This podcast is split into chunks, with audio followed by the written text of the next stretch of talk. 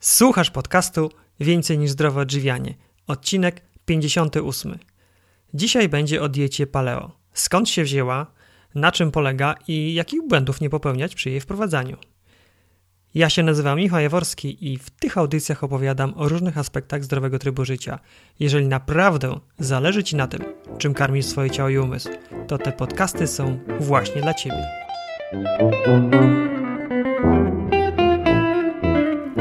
Witaj w 58 odcinku podcastu. Kilka miesięcy temu jeden ze słuchaczy podcastu, Wojtek, napisał do mnie bardzo sympatycznego maila. Pisał w nim, że słucha regularnie mojego podcastu i zapytał, czy planuję odcinek o diecie paleo. Zapytał tak bardzo nieśmiało, zaznaczając, że może ta dieta nie do końca wpisuje się w moje rozumienie zdrowego odżywiania. Wtedy, tak naprawdę, to było prawie rok temu, rzeczywiście niewiele wiedziałem o diecie paleo. A dokładniej to, co o niej wiedziałem, mniej lub bardziej pokrywało się z dość powszechnym stereotypem diety w postaci półnagiego jaskiniowca biegającego po lesie z maczetą. Tak naprawdę to nie wiem skąd on się wziął w mojej głowie. Niemniej jednak rzeczywiście miałem obawy, czy temat diety paleo pasuje do mojego podcastu. To było prawie rok temu. W międzyczasie zaktualizowałem swoją wiedzę o paleo, obalając powszechnie powtarzające się stereotypy i koniec końców, właśnie teraz, dzisiaj mamy podcast o diecie paleo. I wiesz co? Bardzo, bardzo się cieszę, że go nagrałem. Cieszę się, bo miałem okazję poznać i porozmawiać z fantastycznym człowiekiem, gościem dzisiejszego podcastu. Cieszę się również, bo przekonałem się, że to, co pierwotnie może wydawać się nam bardzo odległe, te odległe rzeczy mogą być nam bliższe niż jesteśmy sobie w stanie wyobrazić. Nie twierdzę tu, że stałem się zwolennikiem tej diety i od jutra będę jadał tylko mięso. Nie, nie, nic z tych rzeczy. Nie zamierzamy w naszej rodzinie nic zmieniać, bo po prostu jest nam dobrze z tym, jak teraz się odżywiamy. Mogą nam być bliższe niż sobie wyobrażamy, bo dieta paleo, dieta wegetariańska, witariańska i szereg innych, w mojej ocenie, mają bardzo wiele podobieństw. Więcej podobieństw niż różnic. Oczywiście to jest tylko moje zdanie, możesz się z nim nie zgodzić, ale ja tak uważam już. Zanim przejdziemy do podcastu, ogłoszę tylko małe sprostowanie. Już po nagraniu mój dzisiejszy gość poprosił mnie o sprostowanie małego przejęzyczenia, które w trakcie nagrania się pojawiło. Otóż wegetarianizm powstał 2,5 tysiąca lat przed naszą erą, czyli jakieś 4,5 tysiąca lat temu. Wegetarianizm powstał 2,5 tysiąca lat przed naszą erą, czyli jakieś 4,5 tysiąca lat temu. No dobrze. Przejdźmy już teraz do samego podcastu o diecie paleo. Zapraszam do wysłuchania. Cześć Grzesiek. Cześć, witam wszystkich serdecznie. Bardzo mi się miło jest gościć w podcaście Więcej niż zdrowe odżywianie. I może zacznijmy klasycznie od tego. Przedstaw się proszę słuchaczem mojego podcastu, powiedz kilka słów o sobie, czym się zajmujesz prywatnie, zawodowo, jak chcesz. E, nazywam się Grzegorz Janoszka, e, pochodzę z Krakowa, mam jeszcze 30 parę lat. Prowadzę stronę poświęconą diecie paleo, paleosmak, ale to można powiedzieć, że to jest moje hobby, które robię w wolnym czasie. Zawodowo zajmuję się sieciami komputerowymi, a czas prywatny muszę poświęcić nie tylko na stronę, ale dzielić z dziećmi i rodziną oczywiście. Rozumiem, dziękuję. Powiedziałeś, że prowadzisz stronę Paleosmak, że to jest twoje hobby i właśnie o tym dzisiaj chciałbym sobie porozmawiać, bo muszę ci się przyznać, że dieta paleo w głowach wielu ludzi na pewno jest jakiś stereotyp. Zgadza się. Typu na przykład, że jest to jakiś e, na półnagi człowiek biegający po lesie, zabijający zwierzę i wyjadający jeszcze ciepłe fragmenty nie wiem, typu wątroba. Z takimi stereotypami się spotkałem i ja tak. już wiem, że na pewno dieta paleo tym nie jest. Natomiast powiedz, czym jest dieta paleo? Może ja zacznę od tego, jak ja w ogóle trafiłem na dietę paleo, bo e, myślę, że myślę, że to da E, słuchaczom więcej, e, więcej e, informacji na ten temat. Ale oczywiście zaraz potem powiemy, co to jest dieta paleo. Dobrze, zacznijmy od tego, jak no. się Twoja przygoda z paleo rozpoczęła. W wieku około, nie pamiętam, 12 lat dostałem trądzik, jak miliony nastolatków na całym świecie.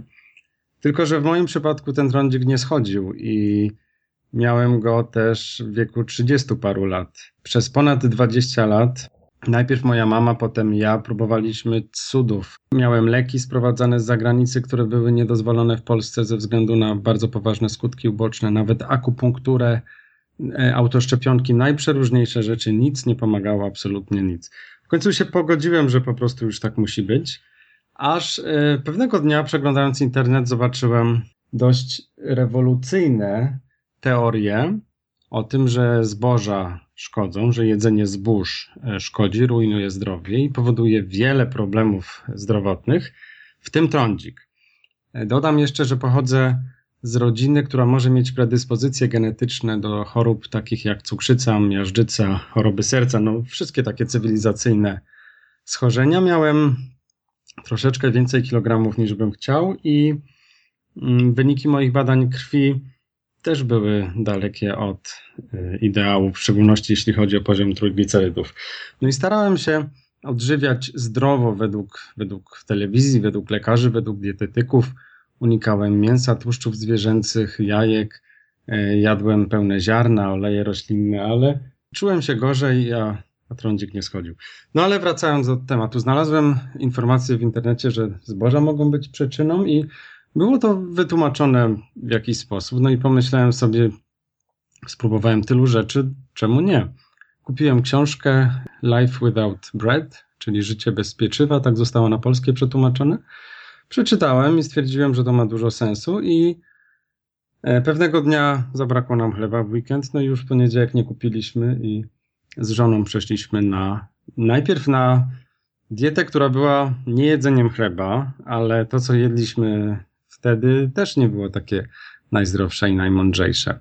Ale yy, dałem sobie cztery tygodnie, ale już zauważyłem po dwóch tygodniach, że trądzik wyraźnie zelżał, a po tych czterech tygodniach zniknął prawie całkowicie. Dodatkowo kilka problemów takich zdrowotnych jak zgaga na przykład yy, też mi całkowicie zeszły.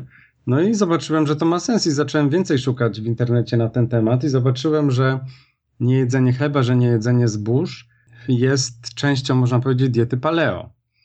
No i trochę mi ta nazwa nie przypadła do gustu i stwierdziłem, no, że przecież nie będę jakimś jaskiniowcem. Nie wiem, czy ta nazwa jest szczęśliwa, czy nie. No ale zacząłem więcej czytać na ten temat, zacząłem się uczyć i zacząłem testować na sobie mm, wszystkie te teorie. Dlaczego zboża miałyby y, szkodzić?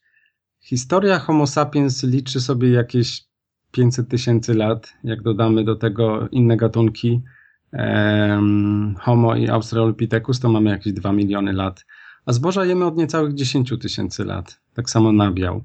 No i pod, jednym z podstaw diety, jedną z podstaw diety paleo jest założenie, że niektóre pokarmy, które obecnie są spożywane, e, jemy jako gatunek bardzo krótko i nie zdążyliśmy się do nich przystosować i wielu ludzi odczuwa negatywne efekty spożywania tych, tych pokarmów. Dieta paleo to jest odrzucenie przetworzonej żywności, szkodzących na, nam pokarmów, które jako ludzie jemy od bardzo niedawna. To są zboża, w wielu przypadkach nabiał, cukier i oleje z nasion. To niewielkie ilości dobrej jakości mięsa, ale mięso rozumiane nie tylko jako mięśnie szkieletowe zwierząt, ale także organy, czyli wątroba, ozór, mózg, serce. E, ważne, żeby to mięso pochodziło z jak najbardziej naturalnych hodowli. Ale mięso jest niezbędne, ale można powiedzieć, że jest tylko dodatkiem, ponieważ najwięcej to jemy różnych roślin. Podkreślam roślin, a nie warzyw i owoców, bo nie tylko chodzi o warzywa i owoce, ale, na, ale o nawet dziko rosnące rośliny typu chwasty y, na łące. No i oczywiście jedzenie wielu tłuszczów. Chodzi o to, żeby nawet w domu pokarmy poddawać jak najmniejszej obróbce termicznej, jak najmniej przetwarzać. Oczywiście to nie jest jedzenie wszystkiego na surowo, ale to nie jest też gotowanie godzinami i przetwarzanie pokarmów, bo to bo tracą swoje włas, właściwości. No i bardzo wielu ludzi, bardzo wielu notuje poprawę zdrowia i samopoczucia po takiej diecie. Jak dawno zacząłeś stosować tą dietę? To było na wiosnę 2011, czyli można powiedzieć, że 5,5 roku temu. Z tym, że na początku przestałem jeść chleb, ale, na, ale jadłem nabiał, którego teraz całkowicie unikam, nawet masła. I przez pierwszy rok, półtora roku dużo się uczyłem. Można powiedzieć, że na takim paleo to ponad 4 lata.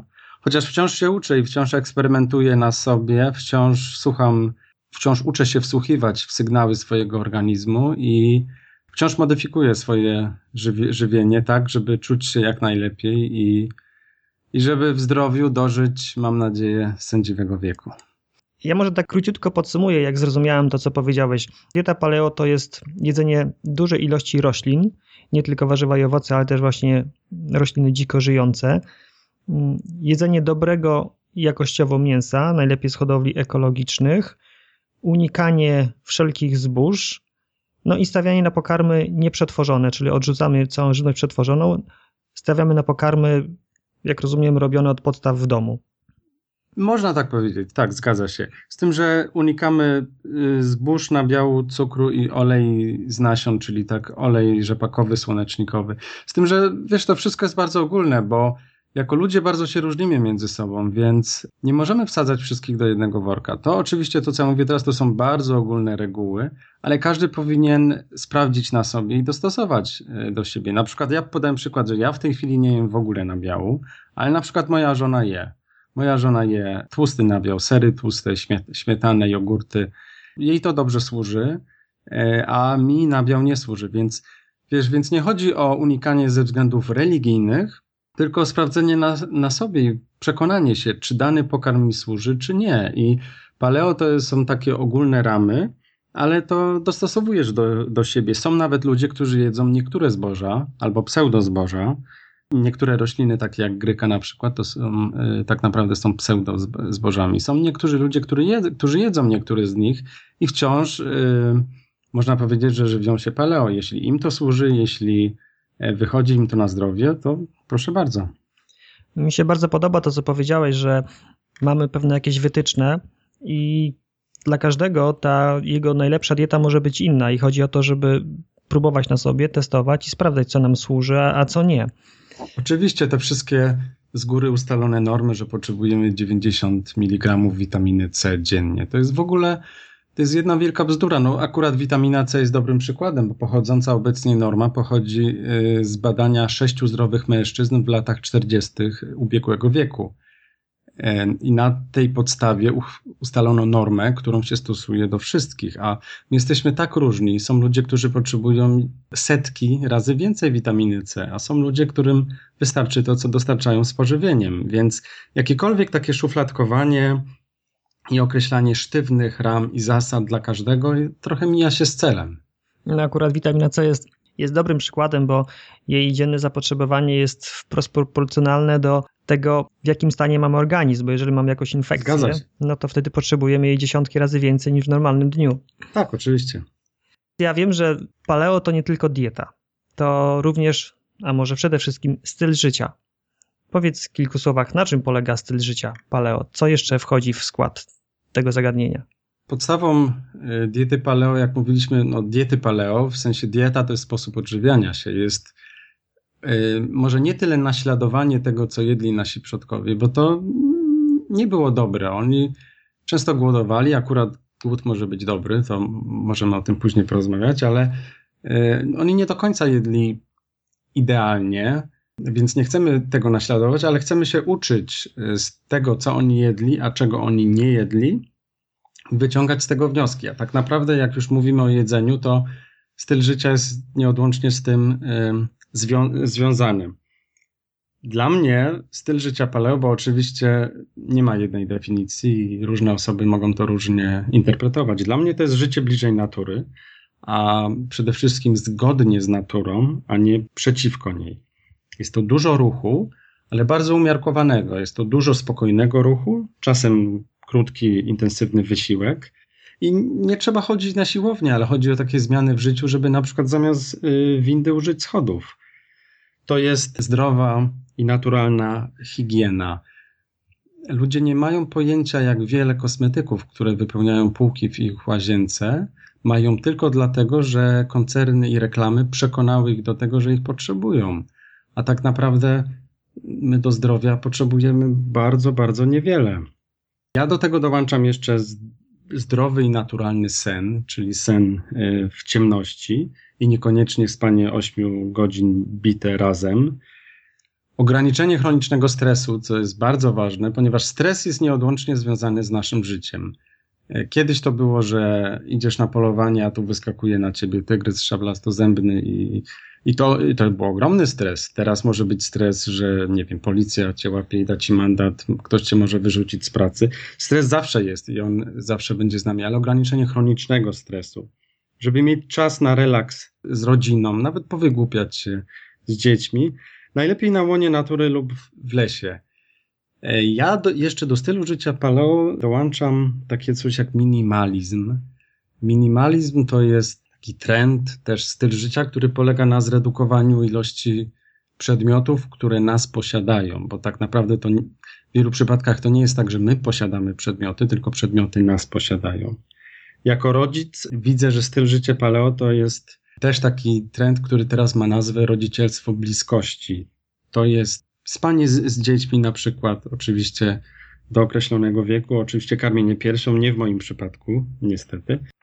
Ja jeszcze widzę styl życia paleo jako minimalizowanie wpływu nowoczesnych technologii na nasze życie i ciało.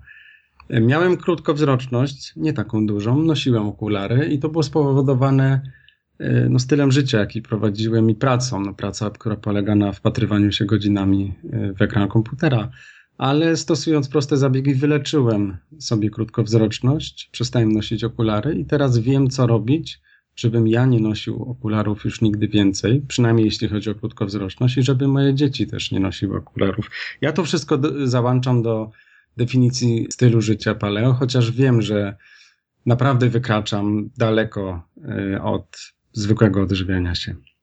No pięknie, mi to się bardzo podoba, co mówisz, tak krótko podsumuję takie życie bliżej natury, czyli dużo umiarkowanego ruchu, naturalna higiena, zdrowy i naturalny sen, mniej stresu, czas na relaks, takie bliższe życie z rodziną. Powiedziałeś dwie rzeczy, które chciałbym jeszcze zgłębić.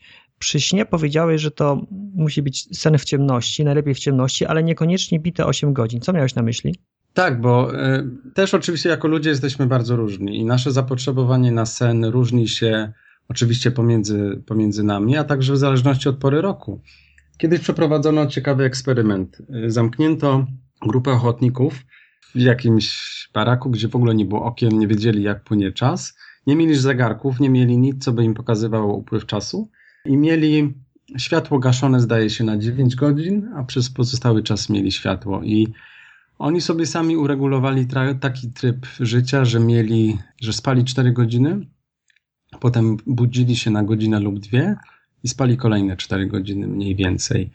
I co ciekawe, w literaturze nawet staropolskiej znajdujemy odpowiedniki, znajdujemy nawiązania do podwójnego snu w nocy. Na przykład w którejś e, z książek z XIX e, wieku mamy e, rady, że najlepiej począć dziecko właśnie pomiędzy pierwszym a drugim snem.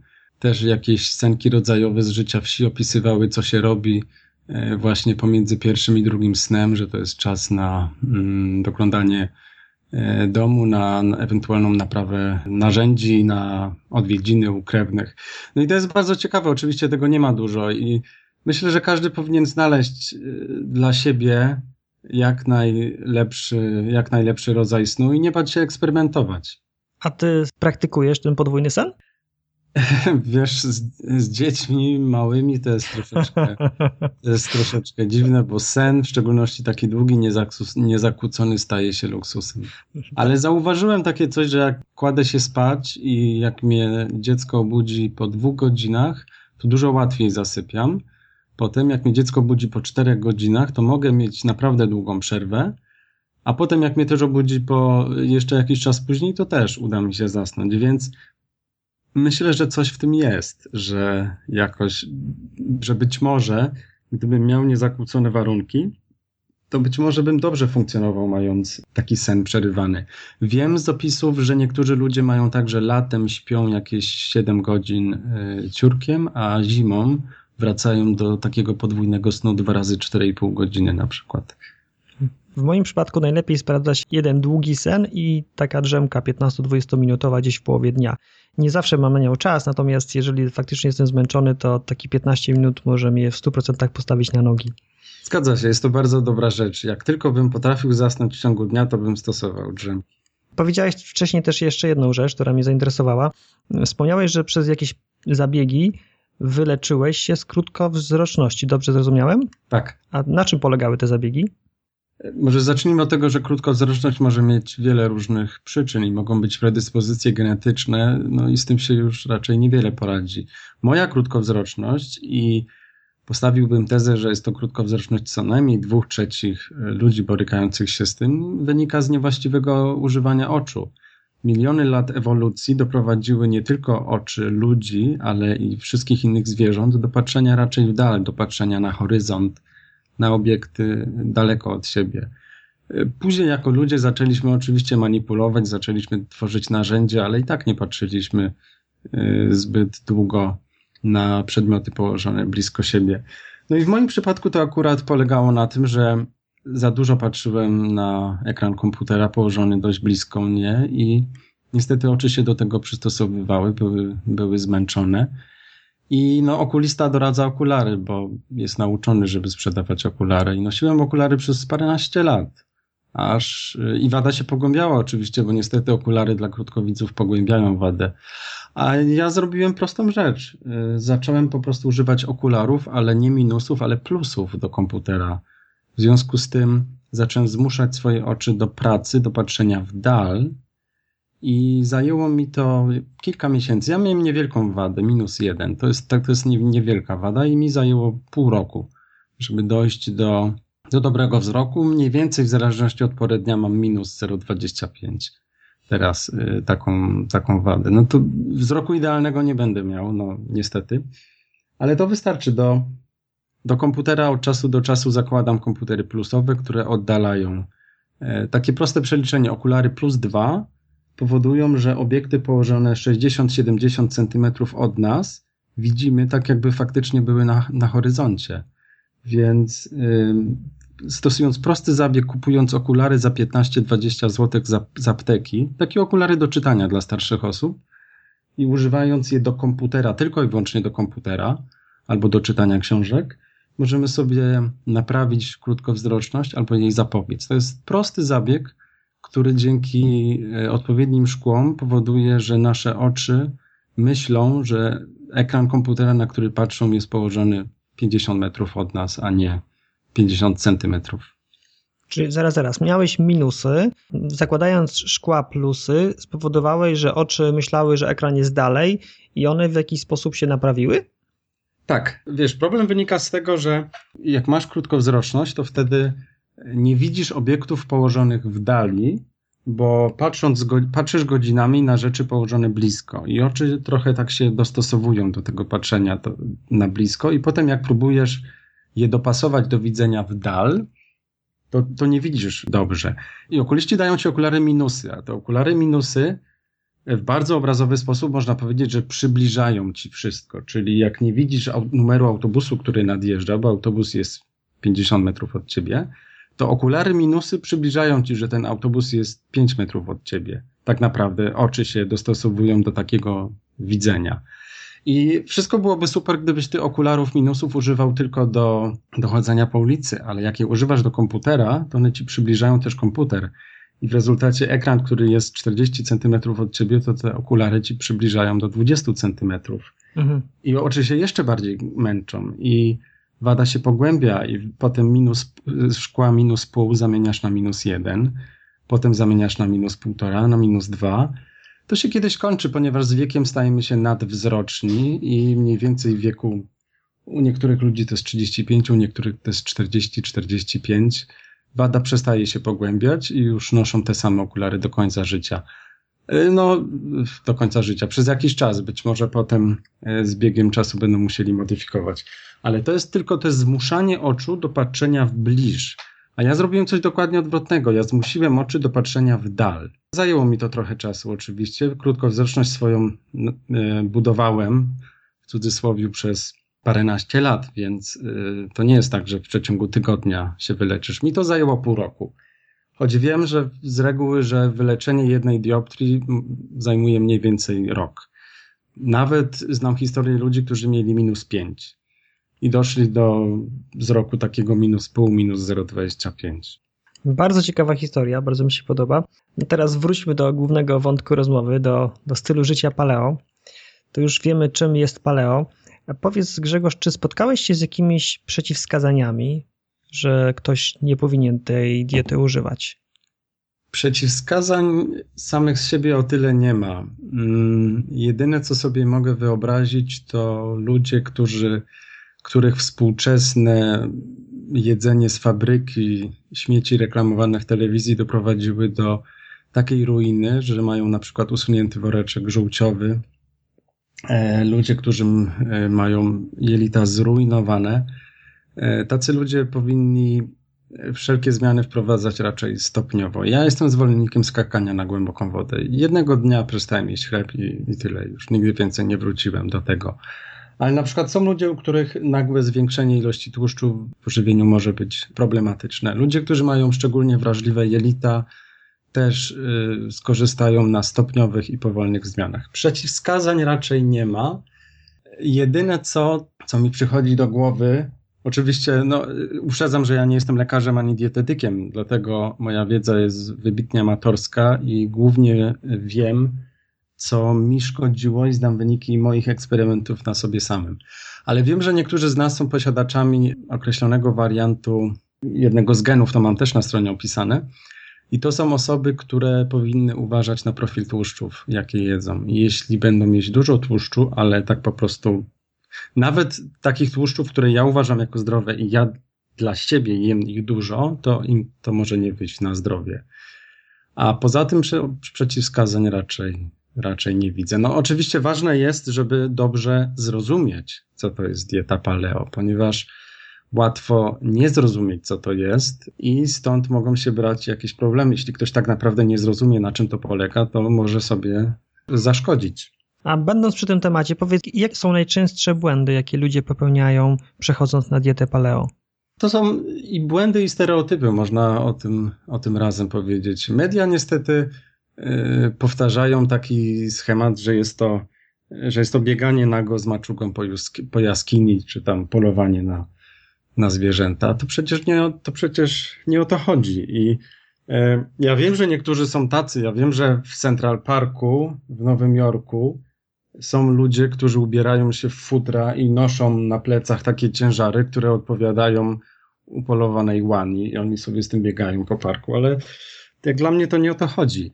E, to jest taki stereotyp, ale jeden z błędów, jaki może być, to jest jedzenie mięsa od rana do wieczora. Bo, e, no i oczywiście mięsa byle jakiego kupują z promocji w supermarkecie, byle jaką habaninę i jedzą to naprawdę w dużych ilościach, a to nie jest ani, ani rozsądne, ani, ani, ani mądre, ani, ani zdrowe.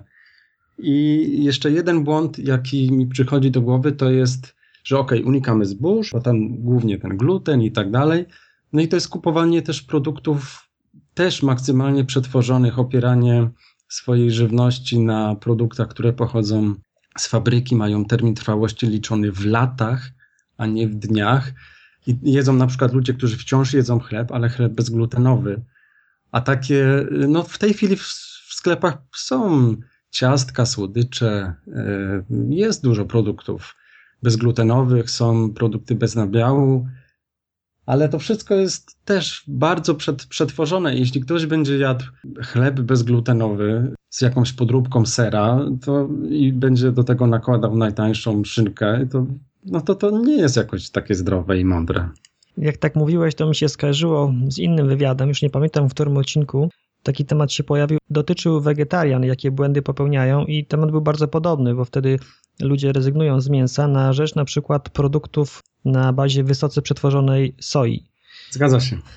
I no to też nie jest zdrowe, zdecydowanie. Tak. Jeszcze w ogóle jaka ciekawostka, mało kto wie, że nie wiem, czy to było 100 lat temu, soja była rośliną, która była traktowana jako roślina niejadalna dla człowieka. Była od czasu do czasu używana jako pasza dla zwierząt. Soja to jest jakieś ostatnie 60-70 lat, jak koncerny wyprodukowały na bazie tamtej soi, wyprodukowały takiego potworka, którą nazywają nową soją i nagle się to okazało bardzo trendy, bo ma dużo białka. Było promowane jako rozsądna alternatywa dla mięsa. Tak naprawdę okazuje się, że jedzenie soi nie jest takie obojętne dla naszego zdrowia. Na przykład mężczyźni jedzący dużo soi mają dwa razy mniej plemników od tych, którzy soi unikają. E, soja, mleko sojowe podawane niemowlętom bardzo wpływa na ich rozwój, przede wszystkim u chłopców może zaburzyć wręcz prawidłowy roz, rozwój ich narządów płciowych. E, soja oczywiście w małych ilościach jeśli nie masz chorób autoimmunologicznych, nie zaszkodzi ci i w wielu krajach jada się soję od dawna, chociaż w Azji soja jest głównie w postaci sfermentowanej i oni jedzą jej małe ilości. Ale właśnie jedzenie czegoś takiego jak kotlety sojowe, jak kiełbasa sojowa, pasztet sojowy kilka razy dziennie jest zdecydowanie niemądre. Tak. Elementem stylu życia paleo są również czasowe głodówki lub posty. Temat mnie szczególnie interesuje, bo ja jestem zwolennikiem czasowych postów i powiedz, jak to wygląda w diecie paleo? To jest też y, taka ciekawostka, na którą natrafiłem y, nie tak dawno temu, jakieś chyba dwa lata temu, albo nawet półtora roku temu. Bo tak naprawdę, jak się zastanowimy, to głód jest naturalnym stanem nie tylko człowieka, ale wszystkich zwierząt. I przez setki milionów lat ewoluowaliśmy, będąc głodnymi przez większość czasu. I tu w ogóle taka śmieszna sprawa, że o ile jeszcze mówiąc o podstawach diety paleo, rozpatrujemy, że te 8-10 tysięcy lat, kiedy jemy zboża i nabiał, to jest zdecydowanie za krótko, żebyśmy się zdążyli przystosować do tych pokarmów, to przecież nadmiar pożywienia mamy od kilkudziesięciu lat. To jest, to jest jeszcze krótszy czas. Głodówki to jest powstrzymywanie się od jedzenia albo jedzenie naprawdę niewielkich ilości pokarmów przez określony czas. I akurat było trochę badań naukowych na ten temat i z tych badań wynika, że minimalny czas, żeby efekty były widoczne w organizmie, to jest od 14 do 16 godzin. Czyli jak nie jemy przez 12 godzin, to tego nie można nazwać e, głodówką. A pamiętasz, pamiętasz może z czego wynika ten czas? Co się wtedy dzieje? Nasze komórki używają dwóch rodzajów paliwa. Można powiedzieć w wielkim uproszczeniu glukozy i tłuszczów. Oczywiście to nie jest tak, glukoza nie dociera do, do mitochondriów, to jest w bardzo wielkim uproszczeniu. E, nasz organizm ma glukozę w postaci glikogenu i to wystarcza w zależności od organu, wystarcza na kilka godzin, maksymalnie do doby. A jeśli chodzi o ilość tłuszczu, to nawet szczupły człowiek ma e, rezerwy tłuszczu, które mu pozwalają przeżyć e, parę tygodni. Tak naprawdę śmierć głodowa nie bierze się z braku energii, ale z braku elektrolitów i, i witamin, a nie z braku energii, bo jeszcze mamy trochę tłuszczu w ciele. No ale jeśli właśnie organizm wyczerpie zasoby e, glikogenu i przechodzi w taki, i widzi, że jedzenie nie nadchodzi, to przełącza się w taki stan oszczędnościowy i wtedy w komórkach zachodzą takie ciekawe e, procesy. Można to porównać bardzo umownie do sprzątania w kuchni. Jeśli masz blat kuchenny zawalony jedzeniem, to w ogóle nie zaglądasz do szafek a w tych szafkach możesz mieć jakąś y, żywność przeterminowaną, która zaczyna się psuć, zaczyna tam pleśń rosnąć, hodujesz tam jakieś grzyby. I y, jeśli nagle tracisz jedzenie z tego blatu stołu, zaczynasz przeglądać szafki w, w poszukiwaniu czegoś do jedzenia i znajdujesz y, pokarmy, które się zaczęły dawno psuć, które w wielkim uproszczeniu zasmradzają ci kuchnię i wyrzucasz takie rzeczy. I w naszych komórkach zachodzi podobny proces, który polega na ponownym używaniu takich części komórek, które są już teoretycznie niepotrzebne, ale komórka się nimi nie zajmuje, ponieważ dopóki stale dopływa glukoza albo ciała ketonowe, to jedzenia jest pod ręką. A w takich właśnie opuszczonych, y, zapomnianych częściach komórek często czają się jakieś wirusy, y, choroby tam się mogą y, rozwijać. I w wielkim skrócie to polega na tym, że organizm zaczyna sprzątać i przez to obserwuje się pozytywne efekty na zdrowiu. To się chyba nazywa odżywianie endogenne, wewnętrzne. No można tak powiedzieć. W ogóle badania pokazują, że optymalny czas głodówek to jest mniej więcej 24 godziny i przynajmniej badania, do których dotarłem, nie potwierdzały, żeby głodowanie dłużej miało e, jakikolwiek efekt, znaczy, żeby dostarczało więcej efektów. E, zdrowotnych, choć znam historię ludzi, którzy twierdzą, że dopiero u nich raz w tygodniu, dwa albo nawet trzy dni bez jedzenia e, dają im takie efekty, jakich oczekują. Może to być albo całkowicie niejedzenie, albo jedzenie drobnych ilości. Ale tak naprawdę, jak weźmiemy 16 godzin, to jest to, to nie jest to tak dużo. Ja zacząłem od tego, że zacząłem opuszczać śniadanie. Jadłem kolację troszeczkę wcześniej, około 19 i Potem nie jadłem, oczywiście już wieczorem przed snem niczego nie jadłem. Opuściłem śniadanie i zjadłem obiad w okolicach godziny 13, czy nawet troszeczkę później. No i to już powoduje, że mamy 18 godzin, chyba jeśli dobrze liczę, bez jedzenia, a większość tego czasu przespałem. Znaczy nie większość, dużą część, dużą część tego czasu przespałem i głód tak naprawdę mi, mi nie doskwierał. Ja sobie tak robię od czasu do czasu, ale już obecnie nie za często, ponieważ zacząłem chudnąć jeszcze bardziej. Mhm. Żona już na mnie trochę krzywo patrzy. Mówi, że się rozwiedzie, jak będę ważył mniej od niej. to Chyba jest... jej nie wierzę, ale mimo wszystko, mimo wszystko, no. Ja już tak jestem dużo szczuplejszy od moich rówieśników, ale też nie chcę wyglądać jak cień człowieka. A powiedz, czy ta głodówka, o której teraz mówisz, nawet którą ty praktykujesz, to jest element właśnie stylu życia paleo, czy to po prostu coś, co ty znalazłeś interesując się zdrowym odżywianiem i postanowiłeś wprowadzić do swojego stylu życia? Wiesz co, ja to znalazłem. Ja to znalazłem w internecie jako rozwiązanie problemów, z którymi się ludzie borykali.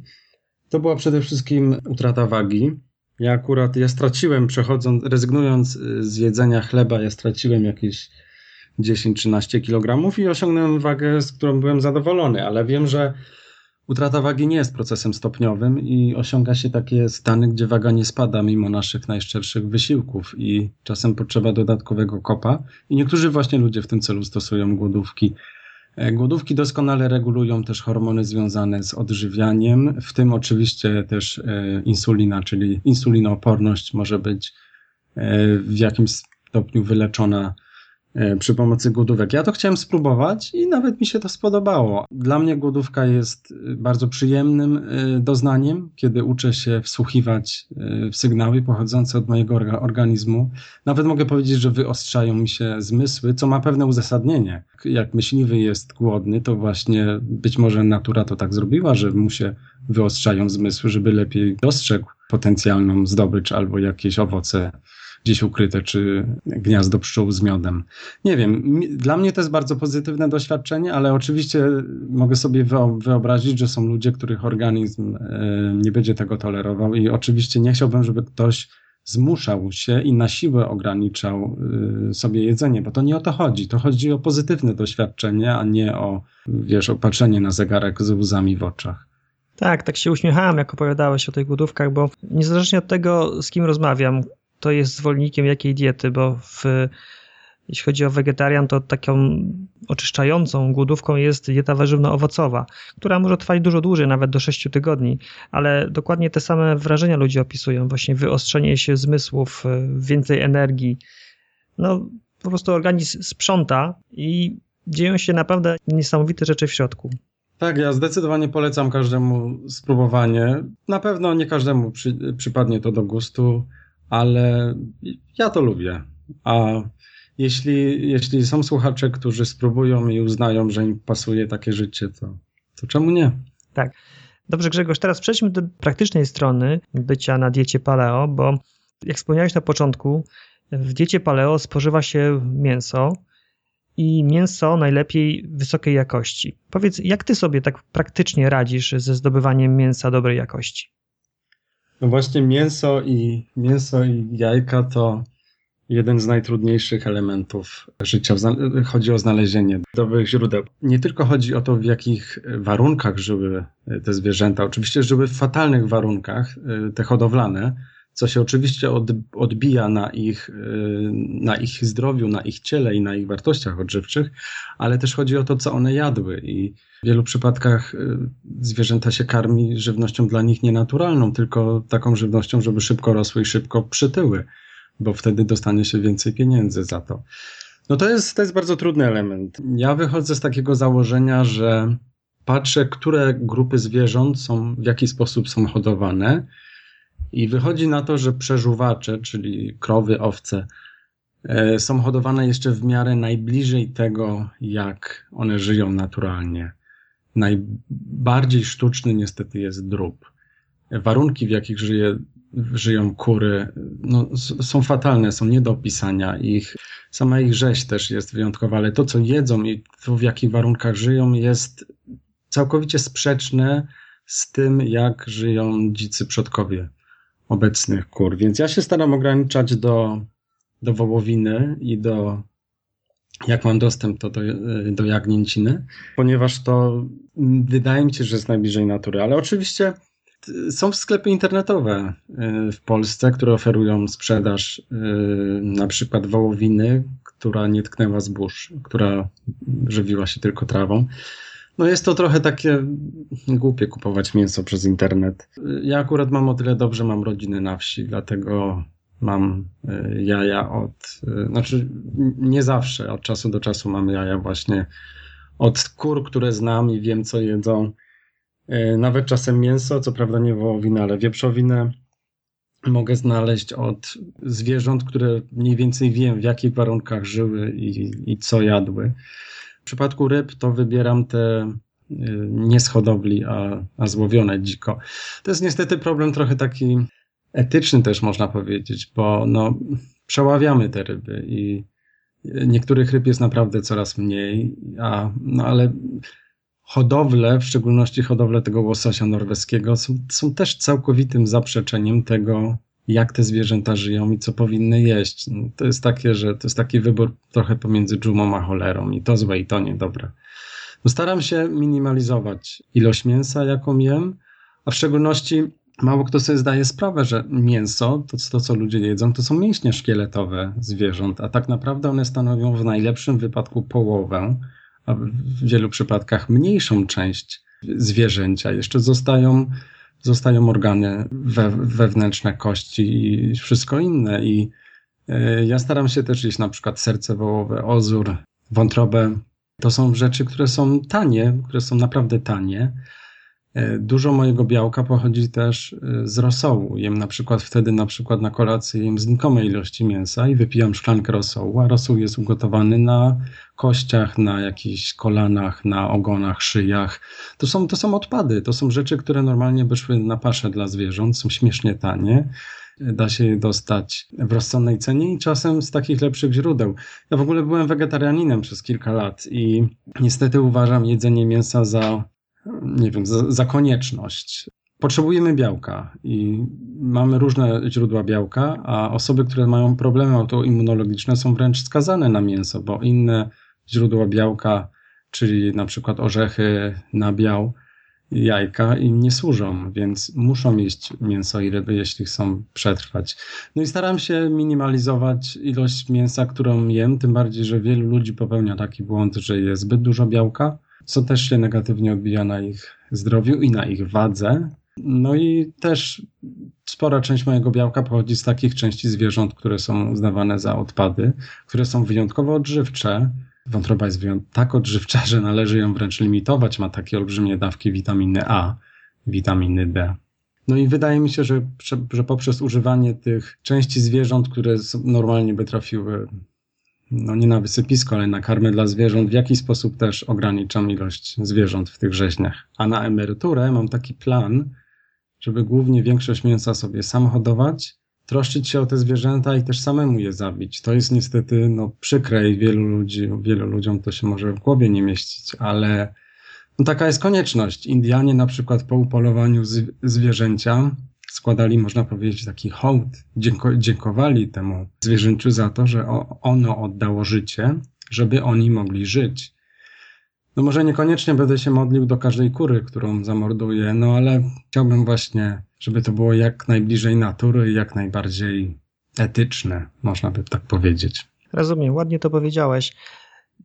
Oprócz mięsa, zdobywania mięsa i jaj, co jest jeszcze takim wyzwaniem? Czy są jeszcze jakieś inne wyzwania dla osoby, która jest na diecie paleo? Nasi przodkowie oczywiście jedli bardzo różne rzeczy w zależności od klimatu, w jakim żyli. Im żyli bardziej na północ, tym jedli więcej mięsa i tłuszczu, a mniej roślin, a z drugiej strony podrównnikiem to mięso było takim naprawdę niewielkim dodatkiem do ich diety i opierali się głównie na, na roślinach. Ale obserwacje współczesnych dziko żyjących ludów Mówią nam, że oni potrafią jeść w ciągu tygodnia ponad 100 różnych roślin. A tak naprawdę, jak pójdziemy do sklepu i zobaczymy, co tam jest, to jest tam tak naprawdę kilka roślin na krzyż. Tak naprawdę brokuł, kalafior, brukselka, kapusta, jeszcze parę innych roślin. To jest praktycznie to samo. To jest jeden gatunek, który poprzez selektywną hodowlę zostały wyhodowane odmiany, które są troszeczkę różne, ale jeśli chodzi o wartości odżywcze, są bardzo podobne i łatwo w sklepie kupić 5, 6 roślin. No dobra, 10, 15, ale tak naprawdę wkrótce się dochodzimy do sufitu, no bo co, mamy te ziemniaki, marchewkę, buraki, cebulę, czosnek, ok.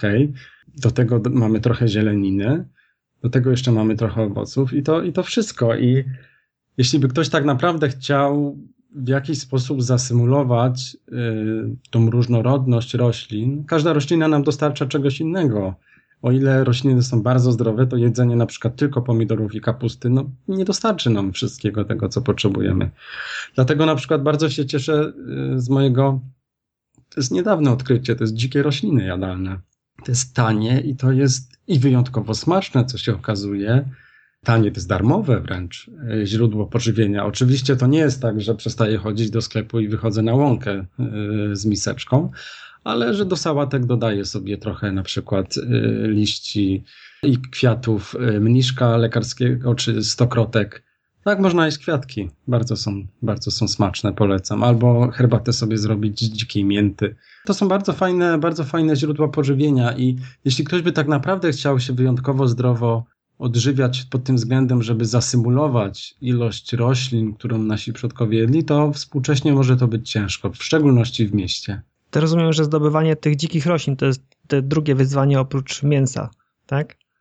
Może i tyle urozmaicenie swojej diety jest wyzwaniem, bo to nie jest problem iść do, do, iść do sklepu warzyw, do, do, sklepu osiedlowego czy do supermarketu i kupić sobie parę rzeczy, bo tak naprawdę, no, jeśli ktoś by chciał to naprawdę urozmaicić, no to tu się już zaczynają problemy w związku z tym, że cała współczesna żywność się opiera na paru roślinach na krzyż. A dla mnie to jest fajne, wyskoczę sobie z dzieckiem do, do lasu i nie dość, że spędzam czas z dzieckiem, jestem na łonie natury, to jeszcze sobie mogę trochę jedzenia przywieźć. No, same plusy. Z wyzwań jeszcze mogę powiedzieć, że czasem, czasem mogą być pieniądze. Dieta paleo niekoniecznie jest droga, może być droga, niekoniecznie jest droga. Oczywiście mięso takie ekologiczne jest dużo droższe niż, niż zwykłe.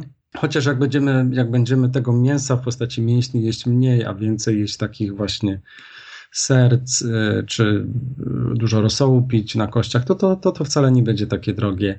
Ale na przykład y, z tłuszczami jest problem. Najtańsze tłuszcze typu olej słonecznikowy, rzepakowy, sojowy, one, one, one nie są zbyt, zbyt dobre. No i olej kokosowy na przykład jest stosunkowo drogi.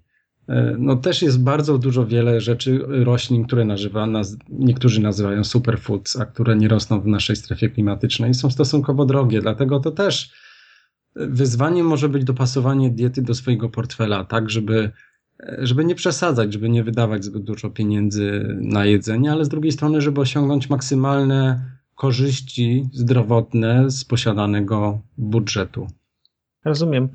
Grzesiek, ja mam taką teorię w taką formie troszeczkę podsumowania. Oczywiście możesz się ze mną nie zgodzić, natomiast ja analizując różne diety, paleo, ta dieta, o której dzisiaj rozmawiamy, wegetarianizm, witarianizm i wiele innych, w mojej głowie układa się taki pewien obraz. Wyłania się duża, znacznie większa niż ja pierwotnie myślałem, część wspólna. Mówimy tu nie tylko o tym, o jedzeniu, ale tak jak zacząłeś mówić. Mówimy o stylu życia, mówimy o spędzaniu czasu na świeżym powietrzu, o aktywności fizycznej, o skupieniu się na w ogóle na, na swoim zdrowiu. Oczywiście między tymi dietami, o których wspomniałem, są pewne różnice, bo bazujemy na dużej ilości roślin, w szczególności, że w paleo jeszcze dodajemy rośliny dzikie, no ale mamy oprócz tego owoce, mamy warzywa, no i pojawiają się jakieś różnice, no bo żeby zwiększyć kaloryczność, no to w twojej diecie dodasz kawałek mięsa, z kolei osoba, która jest wegetarianem doda może jakiejś kaszy albo jakiejś, jakiejś rośliny strączkowej. I to, co się w mojej głowie układa, to to, że to tak naprawdę ten zdrowy styl życia to jest w głównej mierze zmiana myślenia o tym, co jemy, rezygnacja z żywności przetworzonej, no i taki powrót do natury, skupienie się na tym, to co jedli nasi przodkowie. Masz rację, oczywiście. Ja nie sądzę, żeby te diety, o których mówiłeś, żeby były jakimiś wrogimi obozami zwalczającymi się i mającymi całkowicie sprzeczne założenia. Oczywiście pewne fundamenty są, y, są różne. I w przypadku wegetarianizmu to ja bym był trochę elastyczny, y, jeśli chodzi o porównania, bo wegetarianizm tak naprawdę jest, powstał jakieś 2,5 tysiąca lat temu na subkontynencie indyjskim z pobudek religijnych. Dopiero tysiąc lat później starożytni Grecy dodali taką warstwę etyczną do niego, a jeśli mówimy o jakichkolwiek zdrowotnych aspektach e, kojarzonych z dietą wegetariańską, to mamy ostatnie parędziesiąt lat, więc trochę trudno mi powiązywać jakiś trend filozoficzno-religijny ze sposobem odżywiania, no ale, ale wiem, że no, to do tego prowadzi. A oczywiście nasi przodkowie jedli, większość jedzenia jedli na surowo. E, czy to były, czy rośliny, czy, czy zwierzęta. Z drugiej strony mamy tak, że to dopiero po opanowaniu ognia i po, po produkcji y, narzędzi, które pozwoliły nam się dostać do szpiku i do mózgu, do wyjątkowo gęstych odżywczo pokarmów, rozwinął się nasz intelekt. I oczywiście, że po obróbce termicznej mięsa też, więc ja uważam, że każdy powinien próbować. Ja jem, część mięsa jem na surowo, ale nie powiem, żeby to była duża część. Jeśli chodzi o warzywa, staram się je jeść i takie, i takie. Kalafior i brokuł na surowo też są smaczne. Tak, też lubię na surowo. Czy bardzo mi się to podoba, bo przyznam się, że przystępując do rozmowy z tobą, troszeczkę tak z duszą na ramieniu usiadłem, bo mając w głowie ten stereotyp osoby na diecie paleo, miałem obawy, że całe moje fundamenty, to na czym buduję ja swoje odżywianie, no to nagle może zostać podkopane przez to, co powiesz. Natomiast to, co szczególnie mnie ucieszyło, to to, że zdecydowana większość tego, co mówisz, jest mi bardzo bliska i tak naprawdę jedyne różnice, jakie widzę, chociaż nawet nie różnice, bo ty sam też powiedziałeś, że mm, z różnych powodów ograniczasz ilość mięsa. Jadasz to mięso, ale na pewno nie w takich ilościach, jak się może wydawać. I to jest fajne. To mi się właśnie podoba. No jak dostałem zaproszenie od ciebie, to sobie poprzeglądałem, o czym piszesz na tej swojej stronie i trafiłem na wiele przepisów takich, no to można powiedzieć, nazywamy neolitycznych. Plus nawet strona zachwalająca właściwości pszenicy, no i tak się trochę uśmiechałem pod nosem. Ja pszenicy, w ogóle ja nie wiem żadnych zbóż ani pseudozbóż. Wiem, że są ludzie, którzy dobrze tolerują. Co prawda badania pokazują, że zboża glutenowe rozszczelniają jelita każdej bez wyjątku osobie, chociaż y, nie każdy reaguje na to w jakiś widoczny sposób. Ja myślę, że mniej więcej jakaś połowa współczesnego, y, współczesnej populacji, no mówimy o Polakach oczywiście, różne grupy etniczne są różne, mniej więcej połowa może bez większych szkód dla zdrowia jeść nawet zboża i nabiał, nawet bym się pokusiło takie coś, no oczywiście strączki i, i takie coś, no ale oczywiście mamy te wszystkie wspólne elementy, o których mówisz, czyli nie przesadzanie z mięsem, a jeśli już, to żeby to mięso pochodziło y, z rozsądnych źródeł, unikanie przetworzonej żywności, też eksperymentowanie, żeby jeść na surowo, też właśnie głodówki od czasu do czasu, czemu nie? Ja na przykład też staram się sobie robić dzień bez mięsa, co najmniej jeden w tygodniu. Co prawda staje się to, w zależności od tego, jaką masz wersję diety paleo, może stać się to mniej lub bardziej trudne, no ale wyobrażam sobie doskonale, że polowanie się nie powiodło i nasi przodkowie zjedli tylko to, co było pod ręką. Więc to nie jest tak, że sobie mieli kawałek mamuta każdego dnia na śniadanie, na obiad i na kolację. Ale bardzo mi się podobają te twoje nawiązania do naszych przodków, bo to w taki piękny sposób można sobie zracjonalizować nasze działania teraz. A oczywiście, oczywiście jest w ogóle psychologia ewolucyjna, uzasadnia bardzo wiele naszych współczesnych zachowań bagażem, który odziedziczyliśmy od naszych przodków. I to nie jest tylko psychologia, ale no, praktycznie cały nasz organizm wyewoluował w odpowiednim środowisku, więc e, to w jaki sposób teraz reagujemy na różne rzeczy w większości wynika z jakiegoś dopasowania, e, z jakiegoś e, mechanizmu, który w przeszłości obowiązywał i nam, i nam pomagał. Niestety teraz to może działać na naszą niekorzyść. No ale tak, tak, tak jest. Genetycznie nie zmieniliśmy się praktycznie nic w ciągu ostatnich 100 tysięcy lat. A jeśli chodzi o warunki, w których żyjemy i żywność, zmiany są ogromne. Tak, i nie zdążyliśmy się jeszcze do nich w pełni przystosować. No, to też zależy od ludzi. Na przykład jakieś 8-10 tysięcy lat temu praktycznie nikt nie tolerował nabiału. Tak jak wszystkie ssaki mieliśmy tak, że e, przestawaliśmy laktozę trawić mniej więcej po osiągnięciu szóstego roku życia. Ale akurat tak wyszło, że w centralnej Azji e, gdzie ludzie już zaczynali hodować bydło, okazało się, że istnieje tam jakaś mała grupka osób, którzy mogą jeść mleko i sery i nie szkodzi im to nawet jak są dorośli. I ta jedna mała mutacja genetyczna tak się rozpowszechniła, że w tej chwili mają naprawdę, no połowa nie, ale spora część ludzkości dobrze na przykład trawi laktozę. Także które zmiany zaszły? W przypadku no, laktozy mówimy o jednym genie, a, a tak w ogóle ciekawostka, jeśli unikamy nabiału, to najczęściej może nie tyle, w przypadku diety paleo najczęściej nie tyle chodzi o laktozę, ale o kazeinę, ale, i, czyli o białka mleka, a nie tak. o laktozę, czyli o cukier. Tak, też o tym pomyślałem, bo kazeina jest tak naprawdę przez zdecydowaną większość ludzi nie jest trawiona. No tak, jeszcze mamy tyle różnych typów kazeiny i też jeszcze w ogóle taka ciekawostka, że też właśnie y, kiedyś y, w bydle mlecznym, jeszcze w Azji też zaszła taka mutacja, która spowodowała, że krowy dawały więcej mleka, ale zmieniła się nieco struktura przestrzenna kazeiny. Została, można powiedzieć, białko jest zgięte w innym miejscu i Ludzie oczywiście wtedy tego nie zauważyli. Jak krowy dawały więcej mleka, to starali się tak je rozmnażać i takie hodować, żeby tą zmianę mieć wszędzie. No i teraz się tak okazało, że mamy mleko, oczywiście mleko ludzkie, które jest dla nas najlepsze, jak jesteśmy dziećmi, ale w sklepach teraz mleko kozie, mleko owcze, to jest mleko tylko, które ma e, tak zwaną kazeinę A2 beta-kazeinę A2, a mleko krowie niestety w większości przypadków mleko sklepowe to jest albo sama kazeina A1, albo mieszanka A1 i A2. I okazuje się, że tak beta-kazeina A1 jest, no w ogóle mamy problem z trawieniem kazeiny, ale beta-kazeina A1 jest w jeszcze gorszym stopniu trawiona przez nas i ona czasem tworzy takie kompleksy jest taki związek o nazwie BCM7, beta-kazomorph 7, który czasem przez uszkodzone jelita przenika do y, naszego krwiobiegu i czyni spustoszenie w organizmie. No ale to też oczywiście nie wszyscy tak mają. Y, moja żona je nabiał i nikomu nie zależy bardziej na zdrowiu mojej, mojej rodziny niż, niż mi.